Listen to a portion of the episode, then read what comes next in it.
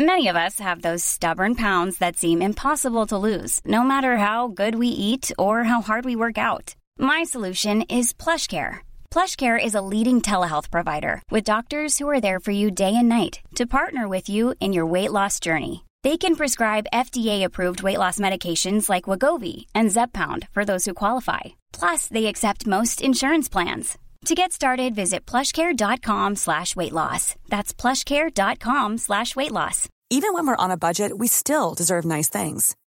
Quince is a place to scoop up stunning high-end goods for 50 to 80% less than similar brands.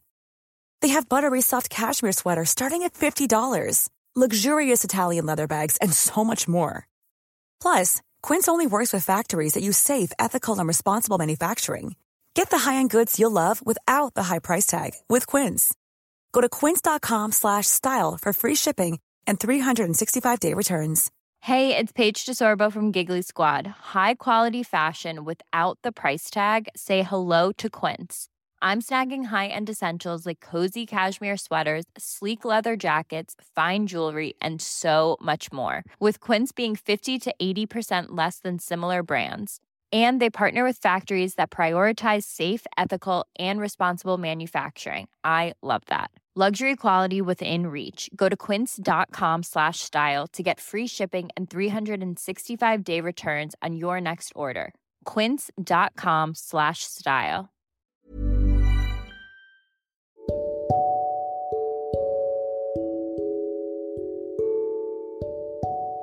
ترى كل واحد فينا لو عمل تقييم لنفسه بعد الحلقة دي هيطلع في أي مستوى من المستويات الأربعة دول إنسان الغاب ولا إنسان الجماعة ولا الإنسان المستقل ولا النوع الرابع والأخير وهو الإنسان المستنير.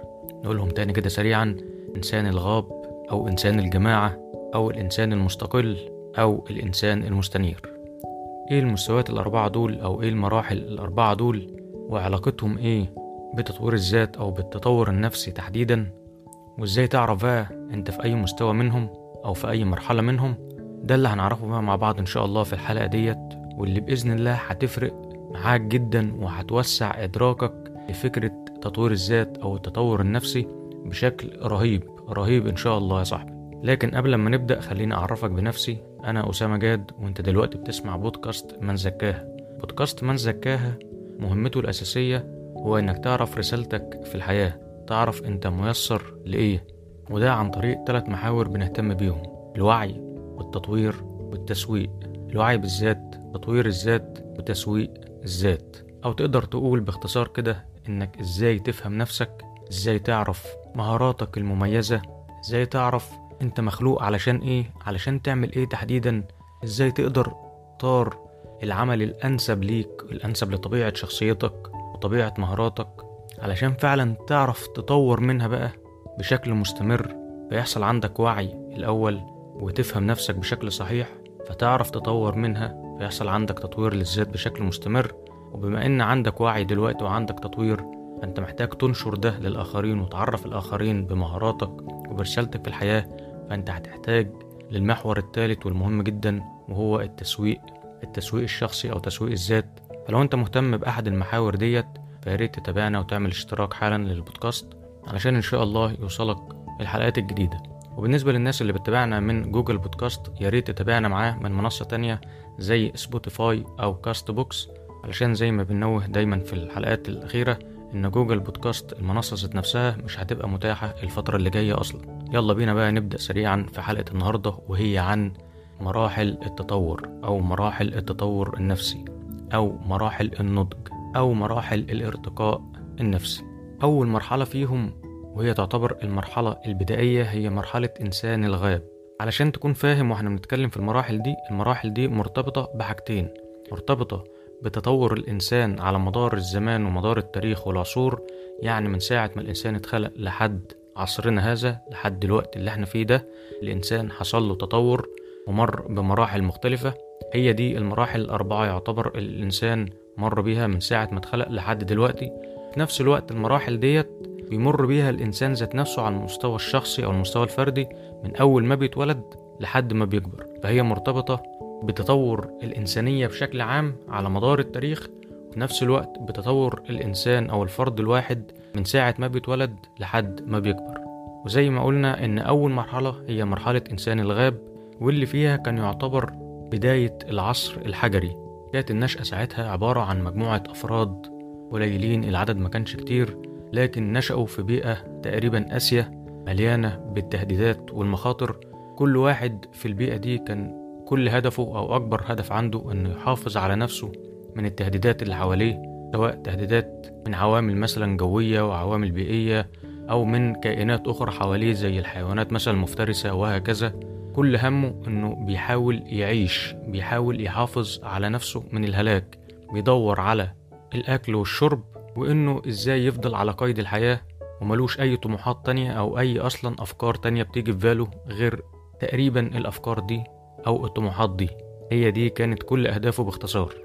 فنقدر نقول إن هو كل هدفه إنه بيحاول يتجنب الألم وبيدور عن اللذة بتاعته إن هو إزاي يشبعها. فأي تصرف خاطئ بالنسبة له هيتسبب في تهديدات أو مخاطر وبالتالي هيتسبب في الألم.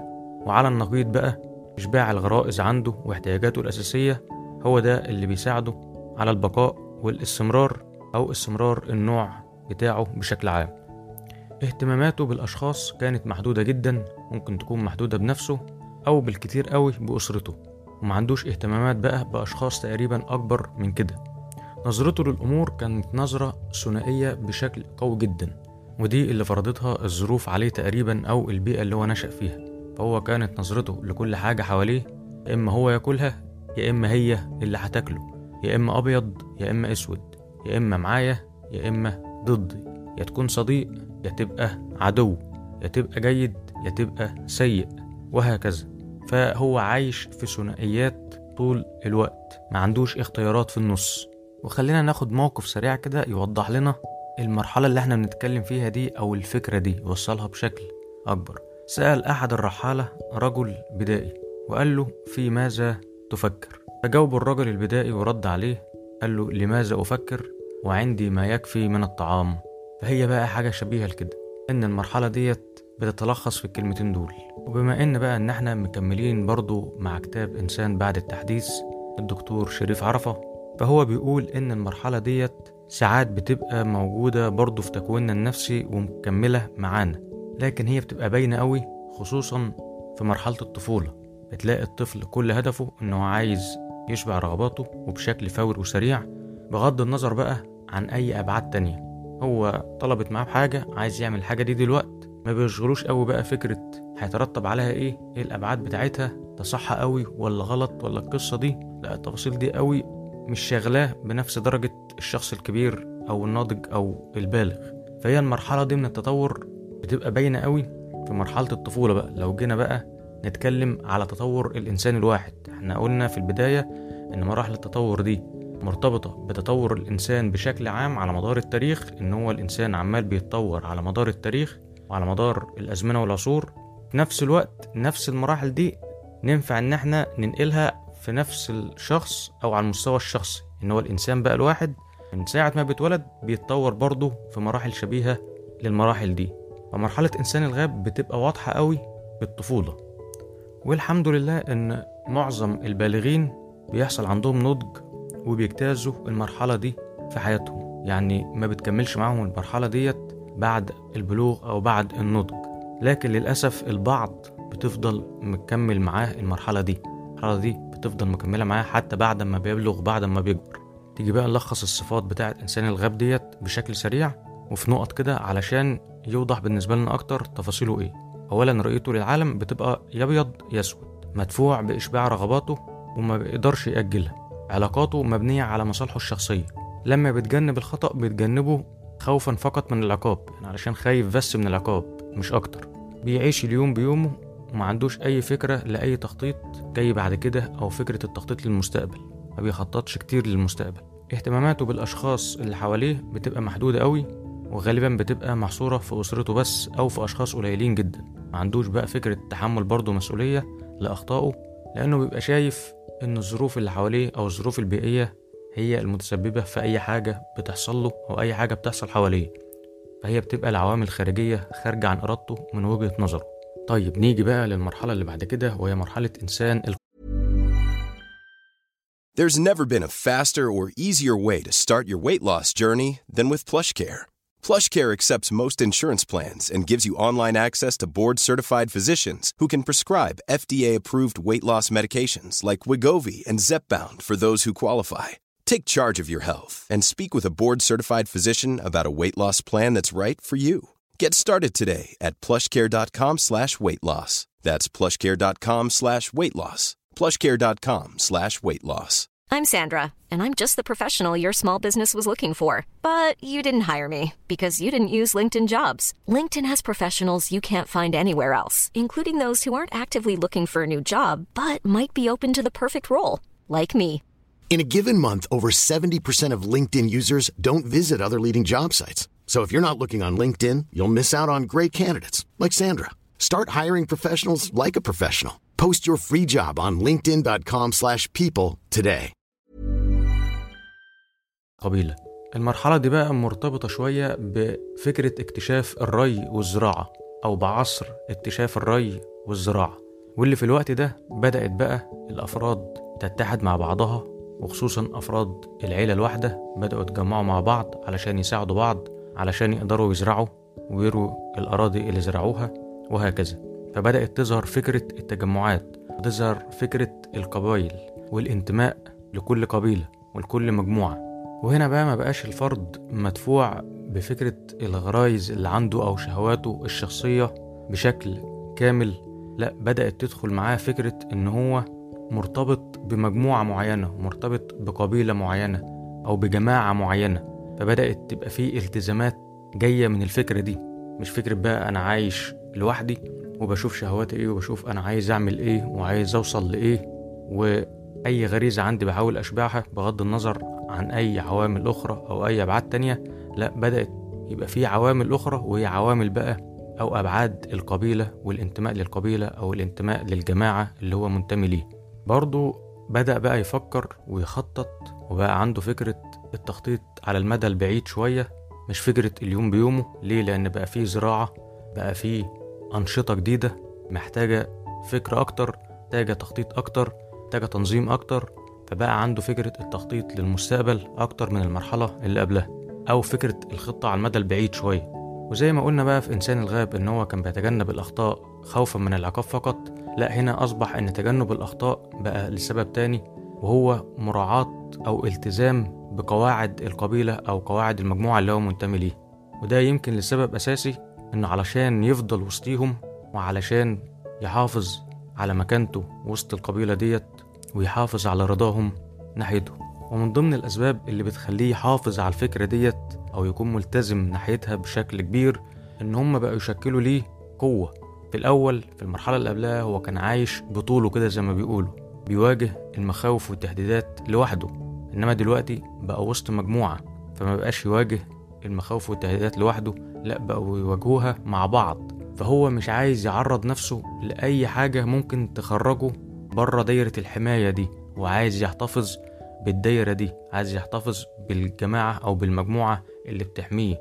وبناء عليه عنده بقى قناعة بفكرة اتباع التعليمات بتاعة الجماعة بأي شكل من الأشكال سواء بقى التعليمات بتاعة الجماعة ديت صح غلط خير شر أيا كان هو عنده التزام كامل بسلطة وتعليمات الجماعة. ومش بس كده ده كمان بقت نظرته للجماعة بتاعته أو القبيلة بتاعته إن هي أعلى شأن من أي جماعة أو أي قبيلة تانية. فده بقى بيزود عنده العنصرية أكتر زي فكرة التعصب الأعمى كده. وفي المجتمع بقى اللي هو يعتبر مجتمع قبلي شوية قايم على فكرة الانتماء للقبيلة أو للجماعة الوصول فيه لأماكن محددة أو لمناصب معينة ما بيبقاش عن طريق الكفاءة لكن بيبقى عن طريق انتماءاتك. أنت منتمي لأي قبيلة أو لأي جماعة وكل قبيلة بقى وكل جماعة على حسب قوتها وعلى حسب إيه المسموح ليها ولأفرادها إن هو الفرد ده ينفع بقى بسبب انتمائه للجماعة ديت أو للقبيلة ديت إن هو يوصل للمنصب ده ولا ما ينفعش. فهنا معيار الكفاءة يكاد يكون مش موجود لكن معيار الانتماء هو رقم واحد. والدكتور شريف عرفة لخص لنا بقى الصفات بتاعة إنسان القبيلة المعاصر. شوية صفات كده هناخد منهم الآتي. إن هو بيستمد الهوية بتاعته من الجماعة. بيشجع جدا الأحكام العقابية. عنده القواعد يجب طاعتها. وما ينفعش يتم مناقشتها بأي شكل من الأشكال. ما ينفعش تتناقش. طالما القبيلة أو الجماعة دي أقرت القاعدة دي هي صح بقى هي غلط مش مهم. يبقى هيطيعها بدون أي تفكير فيها أو مناقشتها حتى. لكنه في نفس الوقت يقدر يأجل رغباته وعنده فكرة التخطيط للمستقبل. بيهتم برضه بالمظاهر وبيصنف الناس على حسب الجماعات بتاعتهم يعني على حسب انتماءاتهم. طيب هنا بقى في سؤال مهم. إيه المشكلة إن الشخص يبقى في المرحلة دي ويفضل عايش كده في مرحلة إنسان القبيلة؟ عادي هو شخص أهوت إحنا لسه قايلين إن هو عادي ممكن يأجل رغباته شخص بيطيع الأوامر طول الوقت وبرضه عنده فكرة تخطيط للمستقبل وعنده شوية صفات تانية إيه مع الصفات دي. إيه المشكلة إن هو يفضل في المرحلة دي أو يبقى منتمي ليها طول الوقت وخلاص؟ في تجربة بقى عملها عالم بصراحة تجربة رهيبة وهتعرفك بقى إيه المشكلة في النقطة دي. العالم ده أو الباحث ده جاب مجموعة من الناس وجاب جهاز كده بيطلع شدة تيار كهربائي بشكل معين وفي وصلات طالعة منه والوصلات دي متوصلة بحجرة تانية. جاب الناس وقعدهم قدام الجهاز وقال لهم إن أنا بعمل تجربة عن التعلم وعن الذاكرة وفي فرد تاني قاعد في الغرفة اللي جنبيكوا هم مش شايفينه طبعا مش عارفين مين الفرد اللي قاعد في الغرفة اللي جنبيهم ده. والسلوك اللي طالع من الجهاز اللي قصادكوا ده اللي بيطلع تيار كهربائي بشكل معين موصلينها بالشخص ده. واللي أنتوا هتعملوه إن أنتوا هتسألوا الشخص ده أسئلة هو هيبقى سامعكوا وانتوا سامعينه لكن أنتوا مش شايفينه ولا هو شايفكوا هتسألوه شوية أسئلة وعلى حسب بقى إجاباته. جاوب صح تمام. جاوب غلط فقدامكوا زراير في الجهاز اللي قصادكوا. كل زرار بيطلع شدة تيار معينة والزراير دي مترقمة. من أول رقم واحد اتنين لحد زرار بقى ده بيطلع شدة تيار قوية جدا ممكن تكون قاتلة مكتوب عليه 3 إكس ومتلون بلون أحمر. على حسب بقى إجاباته اللي أنتوا شايفينها أنتوا اختاروا هتتكوا على أنهي درجة من درجات التيار الكهربي اللي هي هتوصل له. فبدأوا بالفعل يسألوه أسئلة وبدأ يجاوب. فلما لقوا إن في إجابات غلط هو بيجاوبها فبعضهم بدأ يتك على شدة تيار معين فبدأت توصل له شدة التيار ديت فبدأ يصرخ. وبدأوا يتدرجوا في الموضوع ده فيعلوا شوية شدة التيار فيصرخ أكتر ويتألم أكتر. فجزء كبير أوي من الناس بدأ يعترض. لما لقوا إن هما كده هيأذوا الشخص التاني ده أو بيساهموا في تعذيبه بدون أي داعي مش لاقيين سبب منطقي إن هو الشخص اللي هناك ده يحصل فيه اللي هما سامعينه الصريخ ده أو التعذيب اللي واصل له. فبدأوا يعترضوا وبدأوا يقولوا لأ مش هينفع نعمل كده ومش هينفع نكمل في التجربة دي. فاللي حصل بقى ودي هنا الفكرة بتاعت التجربة.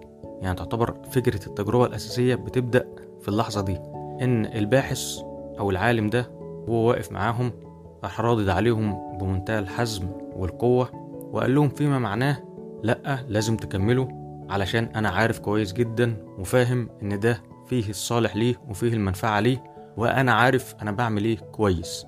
وطبعا الهيئة بتاعته بقى البلطو اللي لابسه والنضارة اللي لابسها مع طريقته في الكلام وإن هو وصل لهم بشكل مباشر وغير مباشر إن هم لازم يسمعوا كلامه علشان كلامه هيبقى فيه المنفعة وهو عارف هو بيعمل إيه. العجيب بقى إن أغلب الناس ديت اللي كانت معترضة بدأت فعلا تسمع الكلام وبدأوا يكملوا التجربة عادي وبدأوا يتكوا على الزراير عادي. والأعجب من كده إن الناس دي جزء كبير منها ما بقاش يتكى إلا على الزرار الأحمر الزرار اللي هو كان عليه 3 إكس اللي هو بيطلع أكبر شدة تيار اللي هي ممكن توصل إنها تبقى قاتلة. وبقوا سامعين صراخ الراجل اللي قاعد في الحجرة اللي جنبهم بمنتهى القوة وما كانش فارق معاهم خالص. فكانت خلاصة التجربة هنا إيه؟ إن معظم الناس بيطيعوا السلطة. المشكلة بقى مش هنا. المشكلة في الناس اللي ضغطت على الزرار القاتل ده وقعدوا يكرروا في الضغط أكتر من مرة. هم دول بقى كانوا هم الأقرب لمرحلة إنسان القبيلة. والباحث أو العالم هنا كان يعتبر هو اللي قايم بدور الشخص اللي بيدي الأوامر. والناس بقى ديت كانت بتنفذ الأوامر ديت من غير أي تفكير ومن غير أي مناقشة. ومجرد بس إن هو وصل لهم أو اتحكم فيهم أو بمعنى أصح سمحوا له إنه يتحكم فيهم من غير أي تشغيل لأي عقل عندهم. ومش بس عقل لا لا مبادئ ولا قيم معينة أو ضمير كان ليه دخل بالموضوع. طبعا الحمد لله لحسن الحظ يعني إن التجربة ديت كان فيها جزء تمثيلي. يعني الراجل اللي كان في الغرفة اللي جنبهم ده كان بيمثل ما كانش بيوصل له تيار كهربي ولا حاجة. لكن كان بيحاول يمثل بمنتهى البراعة إن فعلا في تيار كهربي بيوصله لكن الناس اللي كانت قاعدة قدام الجهاز وكانت بتتك على الزراير ما كانتش تعرف ده. هما فاكرين إن الجهاز عادي واصل بالراجل والتيار الكهربي وصله كل حاجة والراجل بيتكهرب وفي صدمات بتحصل له. فهم بالنسبة لهم لا كل حاجة كانت حقيقية. لكن في الواقع إن الراجل ده كان بيمثل يعني. فالحمد لله ما حصلش يعني أذية حقيقية من التجربة. لكن هي التجربة كانت عايزة توصل لأن الناس دي هتتصرف إزاي في الحالة دي؟ والتجربة دي اتعادت أكتر من مرة في أكتر من بلد على مستوى العالم وتقريبا النتيجة كانت واحدة. نيجي بقى للنقطة التانية المهمة هنا. زي ما قلنا في مرحلة إنسان الغاب إن المرحلة دي غالبا بتبقى مرتبطة شوية أو بتبقى ظاهرة أوي في سن الطفولة لكن البالغين أغلبهم بيتجاوزوا المرحلة دي وبيتخطوها. مرحلة بقى إنسان القبيلة معظم البالغين ما بيتجاوزوش المرحلة دي وحتى اللي بيحصل عنده فيهم تحولات فكرية معينة هي بتبقى مجرد انتقال من قبيلة لقبيلة تانية. وهنا بقى القبيلة مش شرط تبقى بمعناها المباشر اللي هو مجموعة من الناس لا ممكن تكون انتماء فكري معين إن أنت كنت منتمي لفكر معين فأنت يوم ما غيرت رحت منتمي لقبيلة تانية. فبقى عندك برضو نفس الفكر ونفس العنصرية إن أنت ب... أنت بس غيرت الوجهة غيرت المكان مش أكتر. لكن المبدأ موجود عندك اللي أنت منتمي لأفكار محددة مفيش أي انفتاح على أفكار تانية مفيش أي فرصة لفكرة مناقشة الأفكار ديت وإن ممكن يبقى فيها كتير صح لكن بعضها ممكن يبقى غلط أو العكس أيا كان هي فكرة إنك تسيب فرصة للاستثناءات تسيب فرصة لفكرة الصواب والخطأ تسيب فرصة للمناقشة للتقييم. يعني بمعنى أصح إنك تشغل النعمة اللي ربنا اداها لك وهي نعمة العقل. يلا بينا بقى نيجي للمرحلة اللي بعد كده هو المرحلة رقم ثلاثة وهي مرحلة الإنسان المستقل. ودي بقى مرحلة مرتبطة بالعصور الحديثة أو العصور المدنية الحديثة اللي بدأت بقى فيها سهولة الانتقال من مكان للتاني تبقى بشكل أكبر وتبقى بشكل أسهل. إنك تشوف ناس تانية مختلفة عنك في الفكر وفي الانتماءات بقى أسهل. إنك تعرف توصل لأفكار جديدة بقى أسهل. كمان وتيرة التغيير ده أو وتيرة الحضارة الحديثة بالشكل ده بقى أسرع يعني التغيرات فيها بقت سريعة. فبناء عليه بدأت بقى تظهر الحاجة لفكرة الأهداف الشخصية علشان تقدر تواكب شوية التطور السريع. فالإنسان في المرحلة دي كل ما بيطور من نفسه وبيتعرض لأفكار جديدة وأفكار مختلفة عنه وبيشوف وبيجرب فبيبدأ يكتشف إن في أفكار كتير من الأفكار القديمة اللي كان متبنيها سواء بقى في الجماعة بتاعته أو في القبيلة بتاعته أو في المكان بتاعه كان في على الأقل جزء منها محتاج المراجعة ومحتاج المناقشة ومحتاج التصحيح ومحتاج إن هو يتخلى عنها أو على الأقل محتاج بعض التعديلات. فاللي بيحصل إنك بتبدأ تتحرر شوية من فكرة القيود الفكرية اللي كانت في المراحل اللي قبل كده ما بتسمحلكش حتى بمجرد الفكر أو بمجرد الخيال إن أنت حتى تتخيل حاجة تانية غير اللي أنت ناشئ عليها أو غير الأفكار اللي الجماعة أو القبيلة اللي أنت منتمي ليها بيزرعوها فيك باستمرار. فبتصبح في المرحلة الجديدة ديت اللي مرحلة الإنسان المستقل حر بشكل أكبر من الأول. عندك شخصيتك واضحة بشكل أكبر من الأول. عندك قراراتك عندك طموحاتك الشخصية عندك أهدافك اللي بتسعى لتحقيقها. زائد كمان بقى إن في المرحلة دي أنت هتلاقي نفسك تبدأ تختلف مع ناس تانية كتير لأنك قبل كده ما كانش ليك حق الاختلاف دلوقتي بقى عندك حق الاختلاف. فهتلاقي في حاجات كده بتصطدم بيها أو بتصطدم معاها سواء أفكار أو أشخاص. لكن المميز في المرحلة دي إنك هتسمح أو تتقبل الموضوع ده. هتبقى متقبل فكرة الاختلاف فكرة إن يبقى عندك فكرة وحد تاني عنده فكرة تانية إنك تبقى شايف الموضوع من وجهة نظر وفي حد تاني شايفه من وجهة نظر تانية. متقبل الفكرة دي. فهي الصفات بتاعة الإنسان الفردي أو الإنسان المستقل باختصار إن هو بدأ يحكم عقله بشكل أكبر بكتير من الأول عنده مرجعيته الخاصة قادر ينتقد الأفكار ويناقشها كمان منفتح على أي أفكار جديدة وأي تجديد وأي اختلاف. اللي بيحركه بقى بشكل أكبر هو الإنجاز وتحقيق الأهداف الشخصية وفكرة تقدير الذات. تقدير الذات عنده مرتفع والشعور عنده بالحرية وبالاستقلالية وبالقدرة على الاختيار بقى عنده بشكل أكبر بكتير من الأول. زائد إن أخلاقه غالبا نابعة من جواه نابعة من الداخل مش من الخارج. يعني ما بتفرضهاش عليه جماعة معينة أو قبيلة معينة. لا هو بيعمل الصح بيعمل الخير علشان هو من جواه مقتنع بأن هو المفروض يعمل ده علشان هو مجبر عليه. طيب هل المرحلة دي عيوب معينة أو جانب مظلم؟ زي ما الكتاب بيقول. بيقول الدكتور شريف عرفة إن العلماء وجدوا إن المشاعر الإيجابية مش بتزيد بالضرورة مع زيادة التطور النفسي بل إن أحيانا بيحصل العكس إن كل لما بتزيد في مراحل التطور وبتوصل مثلا للمرحلة اللي إحنا بنتكلم فيها دلوقتي اللي هي مرحلة الإنسان المستقل. أحيانا بيحصل إن المشاعر الإيجابية عندك بتقل وده بسبب كذا حاجة. منهم إن أنت أفكارك بتبدأ تكتر أو تفكيرك بيبدأ يزيد بقيت بتفكر في كل حاجة. حتى المسلمات واللي كانت بديهيات عندك في المرحلة اللي قبل كده لأ بقيت بتراجعها تاني علشان تتأكد من صحتها وإن أنت ينفع تتبناها وتبقى قناعة عندك ولا لأ؟ وده هيوصلك لحاجة تانية إنك هتبدأ تقول رأيك اللي هو ممكن يبقى مختلف عن رأي كتير أوي من اللي حواليك لأن مش كتير حواليك هتلاقيهم بيفكروا بالطريقة ديت فهتبدأ تحس إن أنت مختلف أو هما اللي هيبدأوا يحسوا إن أنت مختلف عنهم وده مش هيعجبهم فبالتالي هتحس إن أنت نوعا ما كأنك مرفوض اجتماعيا من اللي حواليك وهتقابل كتير من النقد. وده ممكن يسبب لك نوعا ما نوع من أنواع الضغط الذهني. فهي ده ممكن نقول عليه الجانب بقى السلبي من فكرة التطور أحيانا.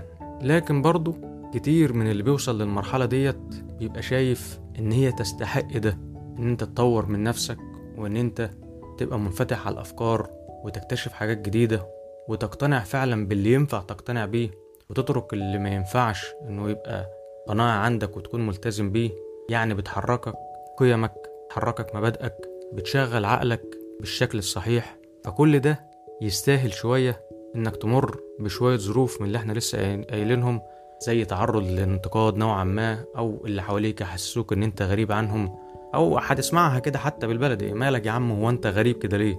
أو مالك عامل فيها مش عارف فلان وعامل فيها علان وما تخليك يا عم شبهنا كده. وده للأسف اللي حصل قبل كده من زمان. حصل مثلا مع الكفار. لما الكفار قالوا فيها معناه أنت جاي تقول لنا كلام جديد علينا ليه؟ وجاي فيها معناه تفرق الجمع بتاعنا ليه وتخلينا نتفرق؟ ما تسيبنا زي ما إحنا. سيبنا بأفكارنا وسيبنا باللي إحنا متعودين عليه واللي إحنا طلعنا لقينا أجدادنا بيعملوه واللي سبقونا بيعملوه. إحنا كده تمام. مش عايزين نغير. مش عايزين فيها معناه نفكر. مش عايزين حاجة جديدة. تمام. يلا بينا بقى ننقل للمرحلة الرابعة والأخيرة وهي تعتبر أفضل مراحل التطور النفسي وهي مرحلة الإنسان المستنير. المرحلة دي بقى أهم ما يميزها هي شبيهة شوية للمرحلة اللي قبلها يعني هتبقى متشابهة مع مرحلة الإنسان المستقل في حاجات كتير أو واخدة منها حاجات كتير لكن بشكل أرقى بقى وبشكل أشمل وأوسع من المرحلة بتاعة الإنسان المستقل.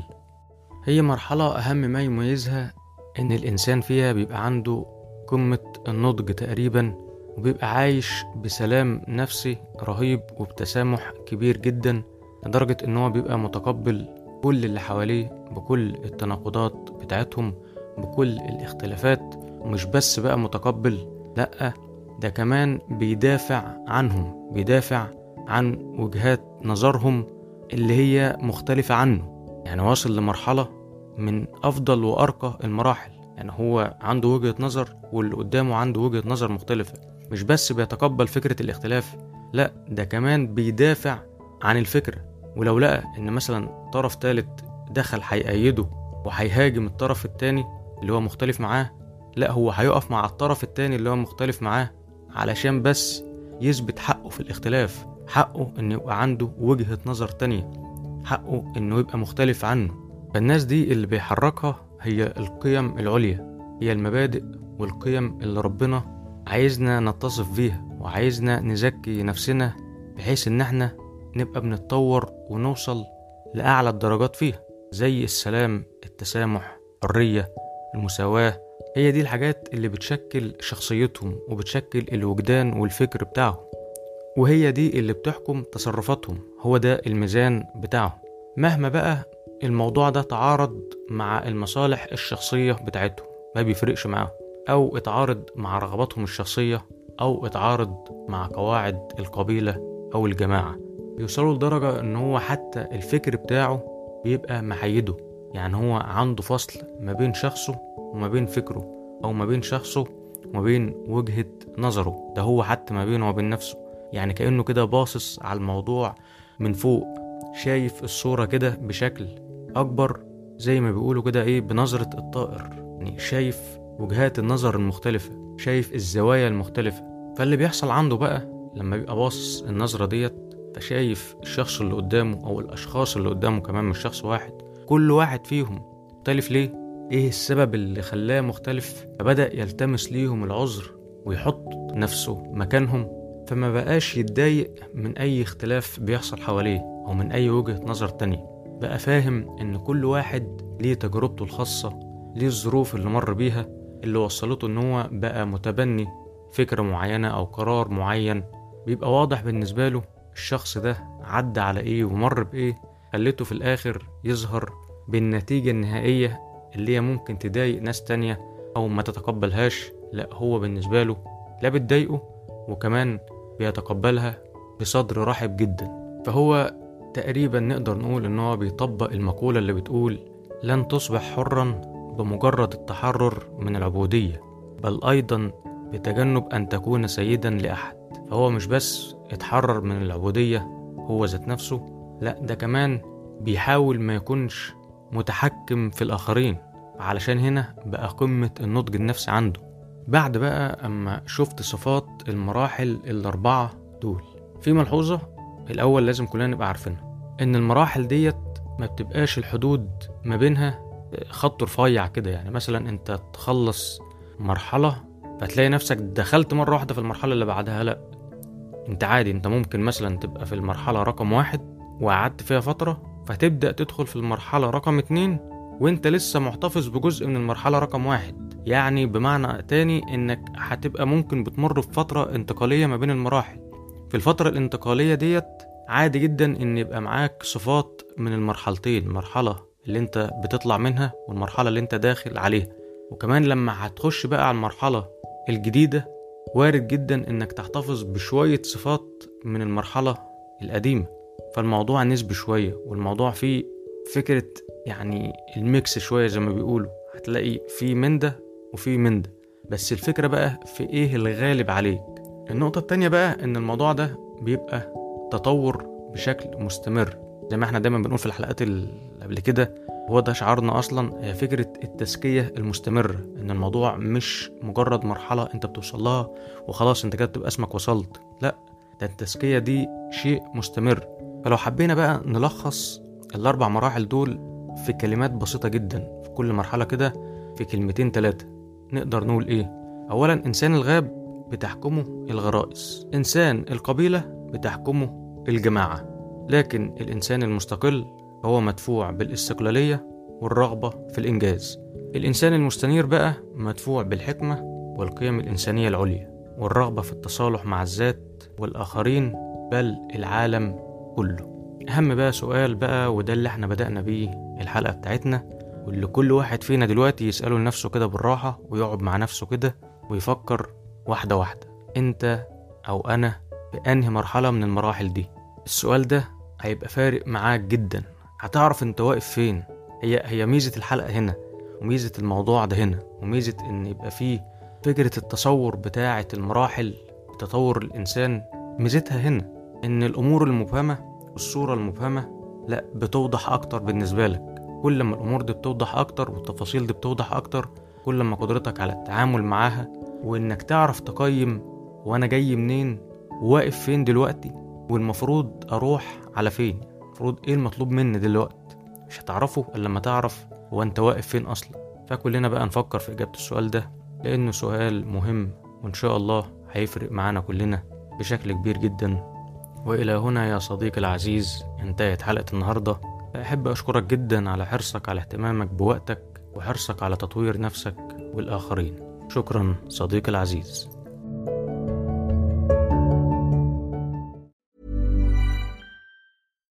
Deserves the best, and there's no better place to shop for Mother's Day than Whole Foods Market. They're your destination for unbeatable savings, from premium gifts to show-stopping flowers and irresistible desserts. Start by saving 33% with Prime on all body care and candles. Then get a 15-stem bunch of tulips for just $9.99 each with Prime. Round out Mom's menu with festive rosé, irresistible berry chantilly cake, and more special treats. Come celebrate Mother's Day at Whole Foods Market. Hey, it's Danny Pellegrino from Everything Iconic. Ready to upgrade your style game without blowing your budget? Check out Quince. They've got all the good stuff shirts and polos, activewear, and fine leather goods, all at 50 to 80% less than other high end brands. And the best part? They're all about safe, ethical, and responsible manufacturing. Get that luxury vibe without the luxury price tag. Hit up quince.com slash upgrade for free shipping and 365 day returns on your next order. That's quince.com slash upgrade. Mom deserves the best, and there's no better place to shop for Mother's Day than Whole Foods Market. They're your destination for unbeatable savings, from premium gifts to show-stopping flowers and irresistible desserts. Start by saving 33% with Prime on all body care and candles. Then get a 15-stem bunch of tulips for just $9.99 each with Prime. Round out Mom's menu with festive rosé, irresistible berry chantilly cake, and more special treats. Come celebrate Mother's Day at Whole Foods Market.